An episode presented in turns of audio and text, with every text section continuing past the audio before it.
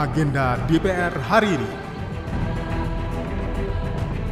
Tidak usahlah bicara soal ini ditetapkan sebagai kejadian luar biasa. Tidak usahlah bicara soal kerohiman. Satu hal yang tidak membutuhkan dana saja, itu sampai hari ini tidak kita dengar dilakukan oleh pemerintah. Apa itu? Permintaan maaf yang tulus. Minta maaf itu kan nggak butuh ongkos. Yang handal yang memang punya kemampuan untuk itu, Pak. Tapi kita lihat hari ini, bahkan di media-media sosial mereka udah mulai berani bersuara. Bapak pernah dengar nggak bahwa mereka ada kerisauan dengan dengan ini holdingisasi itu mereka ter, merasa terancam posisinya. Selamat sore, bersama saya Doni di agenda DPR sore ini, Rabu 25 Januari 2023. Kita mulai agenda hari ini, ada beberapa rapat yang dilaksanakan pada waktu yang bersamaan. Di antaranya adalah Komisi 7 DPR RI menggelar rapat dengar pendapat panja rancangan undang-undang EBET, di mana ini adalah rapat lanjutan yang dilaksanakan sehari sebelumnya, membahas beberapa masalah seperti mekanisme kerja pembahasan rancangan undang-undang tentang energi baru dan energi terbarukan atau RUU EBET dan pengesahan pembentukan panja tim perumus, tim kecil, dan tim sinkronisasi.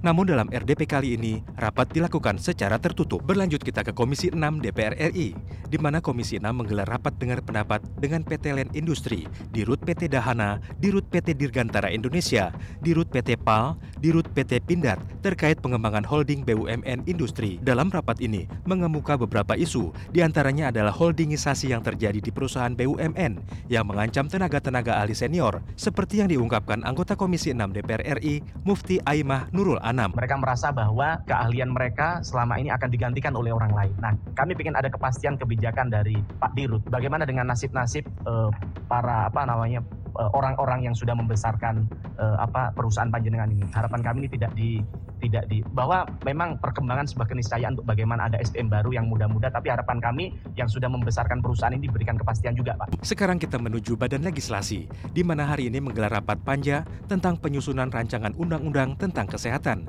Sebagai informasi, rapat panja kali ini adalah lanjutan dari rapat yang dilakukan sehari sebelumnya di mana pada rapat panja sebelumnya membahas beberapa isu aktual seperti tenaga kerja medis asing dan labelisasi halal pada obat-obatan. Namun dalam rapat panja kali ini dilakukan secara tertutup. Masih di jam yang sama, berlangsung rapat dengar pendapat antara Komisi 11 DPR RI dengan Dirut LPI. Rapat yang sedianya membahas beberapa agenda, di antaranya adalah evaluasi dan capaian kinerja tahun 2022 dan rencana kerja tahun 2023 ini dinyatakan tertutup. Kita beralih ke Komisi 9, di mana komisi ini menggelar RDPU dengan tim advokasi untuk kemanusiaan terkait korban gagal ginjal akut yang sempat ramai beberapa waktu lalu.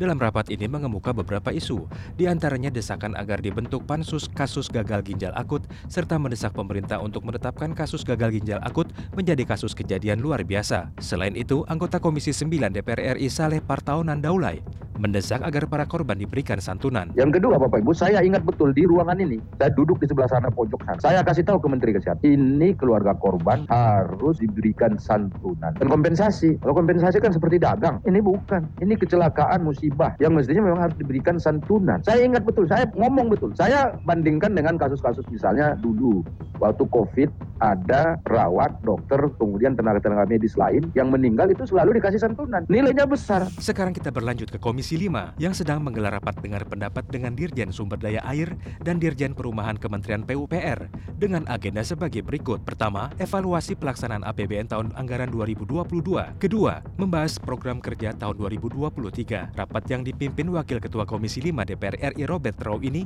dihadiri pejabat eselon 1 yang berada di lingkungan Kementerian PUPR. Selanjutnya kita menuju ruang rapat Komisi 1 DPR RI yang menggelar rapat dengar pendapat umum dengan beberapa pakar dalam rangka mendapatkan masukan terhadap rancangan undang-undang tentang perubahan kedua atas Undang-Undang ITE. Hadir di antaranya adalah Dr. Hajah Sinta Dewi SH dari Universitas Pajajaran, Dr. Edmond Makarim dari Dekan Fakultas Hukum Universitas Indonesia, dan Dr. Helmi Mutiarsi Jumhur, pakar kebijakan ICT Telkom University. Berlanjut kita ke sidang Komisi 9 DPR RI yang menggelar rapat dengar pendapat umum dengan pengurus Nasional Forum Komunikasi Honorer Nakes dan Non-Nakes Indonesia, serta Ketua HTKN Kabupaten Oku Timur. Sampai berita ini dibuat, rapat masih berlangsung. Kita berlanjut ke Komisi 5 DPR RI yang mengadakan rapat dengar pendapat dengan Sekjen Irjen Kepala BKT dan SDM Kemenhub. Sampai berita ini dibuat, rapat masih berlangsung. Selanjutnya kita ke Komisi 6 DPR RI yang menggelar rapat dengar pendapat umum di sesi kedua dengan Presiden Direktur PT Mahkota Sentosa Utama yang membahas aspirasi konsumen pengembang pembangunan apartemen Meikarta. Sebagai informasi, pada waktu sebelumnya, Komisi 6 menggelar RDPU untuk mendengarkan aspirasi dari konsumen pengembang pembangunan apartemen Meikarta. Sampai agenda ini dibuat, rapat masih berlangsung. Beralih kita ke ruang sidang Komisi 9 DPR RI, di mana berlangsung raker dengan Menteri Kesehatan Republik Indonesia. Sampai berita ini dibuat, rapat masih berlangsung. Sampailah kita pada agenda terakhir, di mana berlangsung rapat kerja antara Komisi 10 DPR RI dengan Menparekraf. Sampai agenda ini dibuat, rapat masih berlangsung. Demikian agenda DPR sore ini. Untuk mendapatkan liputan agenda selengkapnya, dapat terus simak dan ikuti media sosial TVR Parlemen. Saya Doni, sampai jumpa. Agenda DPR hari ini. Produksi Televisi Radio Parlemen, Biro Pemberitaan Parlemen, Sekjen DPR RI.